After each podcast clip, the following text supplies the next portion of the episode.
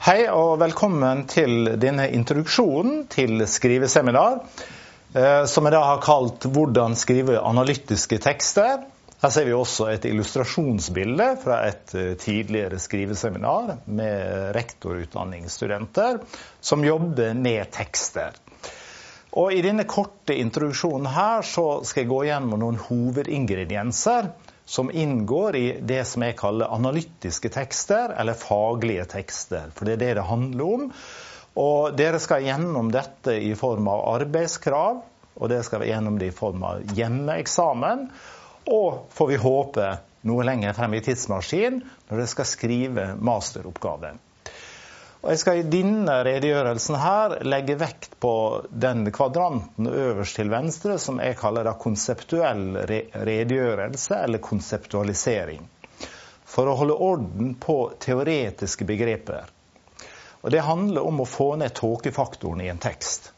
Fordi at hvis man lar være å avklare hva teoretiske termer betyr, og vi er særskilt utsatt i ledelsesfaget, ja, så blir tåka tjukkere og tjukkere for leseren. Verdibasert ledelse, etisk ledelse, pedagogisk ledelse, ledelse i sin alminnelighet, styring osv. osv. Drar man dette med seg uavklart, så blir det svært eh, vanskelig å holde orden på det. Ok, Så har vi da teori. Og eh, teoriens funksjon det er å belyse. Og Dere skal bygge argumenter, dere skal ikke bygge biblioteker. Sånn at Poenget er at dere velger teori som gir belysning av den type problemstilling som dere vil behandle i teksten. Oppe til høyre er tekniske krav. Eh, får ofte veldig stor oppmerksomhet om det skal være kursiv her og komma der osv. Og det overskygger ofte det viktige poenget, nemlig at tekniske krav, essensen er kildehenvisning det at du underbygger det du skriver med kilder. Både for å støtte argumentet ditt, men også for å gjøre teksten såkalt transparent, rett og slett etterprøvbar. Um, og da, Det leder meg også inn til referanselisten, som er slutten, eh, hvor dere da eh, lister opp kildene fullstendig. Drøfting. Eh, jeg liker gjerne bedre begrepet diskusjon, for det er faktisk det det handler om. Hva betyr det du har behandla i teksten? Hva betyr det for forståelse av ledelse? Hva betyr det for lederens praksis som leder? Hva betyr det for skolens utviklingsplan? I den drøftingsdelen så har dere anledning til å fly litt opp i lufta, 9000 fot, og tenke litt videre. Men ikke komme noe nytt ikke komme noe nytt, men som dere trekker ut implikasjoner av det dere har behandla. OK, jeg går rett på konseptualisering. Ehm, jeg tar for meg ledelse. Det utgis tusenvis av bøker i ledelse hver dag. For 20 år siden så fortalte en professor, ut, uh, professor med at det utgis én ny ledelsesbok hver dag. I dag er vel antageligvis tallet firsifra. Det finnes mange tilnærminger eller definisjoner på ledelse, men det er noe som er gjennomgående. Og Jeg viser da ledelse som eksempel. Her er det fra en bok uh, som er skrevet av Peter Northouse. Den heter 'Leadership Theory and Practice', uh, hvor han definerer ledelse. Ledelse er en prosess der et individ påvirker en organisert gruppe i retning av å nå felles mål. Og Det er det som er hensikten med påvirkningen, å nå felles mål, som er organisasjonsmål. Og Hvis jeg skulle trukket bare ett ord av den definisjonen, så ville jeg trukket påvirkning. Og Den engelske termen av det er influence.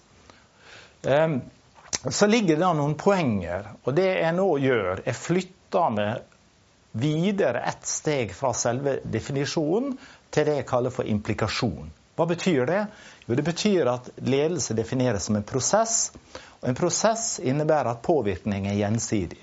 Slik at lederen, rektor, barnehagestyrer, rådmann, hvem det måtte være, påvirker medarbeiderne og blir selv også påvirka. Eh, og som da Peter Northouse skriver i et sitat som jeg har, og nå viser det en annen type henvisning, et sitat 'Without influence, leadership does not exist'. Kjernen er da innflytelse. En annen implikasjon er at ledelse utspilles i relasjoner. Det er kjernen. Og det, i relasjonene kan være én til én. Men det som ofte kommuniseres, det er at ledelse utspilles overfor grupper, personalgruppa di, i skolen, barnehagen, på kontoret, og også i grupper. F.eks. når lederen har sin egen ledergruppe. Slik at det handler mye mer om gruppeprosesser enn det som eh, etter min oppfatning får plass i ledelseslitteraturen. Eh, og ledere er jo da personer som er engasjert i denne påvirkninga, disse relasjonene, for å nå felles mål. Og de er formelle. Det vil si at det er en formell rolle, en jobb, knytta til ledelse. Rådmann, skolesjef, rektor, barnehagestyrer, avdelingsleder, pedagogisk leder. De alle har lederroller i systemet, men vi har også uformelle ledere. Ledere som har høy autoritet, faglig autoritet i personalet, som har høy grad av tillit, de vil også påvirke sine kolleger. Slik har det vært til alle tider. Så det jeg har gjort nå, jeg har gitt et eksempel på det som jeg kaller for eh, konseptualisering. Nemlig at i teksten at du definerer, forklarer og avklare hva begrepet gjør. Når skal du gjøre det? Skal du drøye liksom eh, karamellen til slutt? Nei, du skal gjøre det første gang du bruker begrepet. For da hekter du eh, leseren til din forståelse, og, og, og holder leseren der. Eh, så skal jeg ta et eksempel at beslekta begreper, styring og ledelse, er det same animal with different names, eller er det forskjeller? Eh, og her har jeg da en eh, tabell, en figur, som jeg henta fra en eh, bok om organisasjonsteori i det offentlige, som viser da dette med to variabler. Det vil si at virkemidlene i styring og ledelse de er forskjellige. Når en aktør driver styring, så er også formålet påvirkning. Men virkemidlene det er formelle. Slik at da jeg i en tidligere yrkesrolle drev styring, en form for styring som vi kaller økonomistyring, budsjettstyring, så var mine virkemidler høyst formelle, nemlig budsjett, regnskapsoppfølging, eh, avvikshåndtering. Hvor det i høyeste grad påvirka de som var under meg i myndighetshierarkiet, rektorer og barnehagestyrere så var det svært ofte at eh, vi hadde oppfølgingsmøter eh, på et kontor, møterom, en foajé, og vi diskuterte gjensidig hva betyr disse utfordringene, hva betyr disse gevinstene, det at jeg nå har ressurser i et ubundet driftsform. Da bevegde jeg meg over i den uformelle kvadranten. Da drev vi egentlig ledelse. Selv om vi ikke tenkte på det på den tiden. tiden. Hadde ikke lært alle disse fine ord og uttrykka der. Men det var det.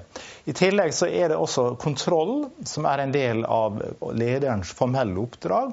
Som er, eh, også er formelle aktiviteter. Men poenget er at det handler mye om det samme. Ehm, styring er bruk av formelle virkemidler. Ledelse, hovedvolumet av ledelse, er bruk av uformell møte. Det vil da si at relasjoner som utspiller seg utenfor formelle fora. Så er ledelse direkte. Det er én til én, eller én leder overfor ei gruppe, eller lederen i gruppa. Eh, mens styringsaktørene opererer indirekte. Sånn at når jeg sendte ut budsjetter, regnskapsrapporter, ja, så brukte jeg faks i riktig gamle dager eller brev. Nå vil jeg bruke e-post. Så skal jeg gå over til det formelle. Ehm, dette med henvisning. Og henvisning skal støtte argumentene dine, det du skriver. Sånn at idealet er at du skal trekke egoet ditt ut av teksten. Jeg, vi skal litt ut av teksten, og så skal du støtte fremstillinga di ved hjelp av argumenter. Og i argumentasjon så er kilder viktig. Og her er noen eksempler. Det er godt belyst i litteraturen hvilke faktorer som stimulerer implementering av ny pedagogikk. Det er skrevet i en tekst. Og Støtten for det argumentet det er en forskningsrapport ført i pennen av Peder Haug og Kari Backman, utgitt på Møreforskning, eller Høgskolen i Volda. Og så er det også en kilde til en publisert artikkel av en Michigan-professor som heter Susan M. Printy. Og Det betyr da at hvis noen vil sjekke om stemmer det at disse forskerne støtter mitt argument, så er det faktisk fullt mulig å slå opp faktisk fullt mulig å slå. opp. Det betyr ikke at alle leserne eller sensorene gjør det, men det er fullt mulig. Det vil si at det er en etisk standard for at det skal være etterprøvbart, det du skriver. Her er et direkte sitat fra Erling Lass Dale og en av hans stipendiater, som beskriver da at 22% av norske elever presterer på laveste nivå i leseferdigheter. Her er sitatet direkte. Det er et viktig utsagn i argumentasjonen. Eh, og her vil, jeg, her vil, jeg, være mye mer nøyaktig og presis i argumentasjonsstøtten min.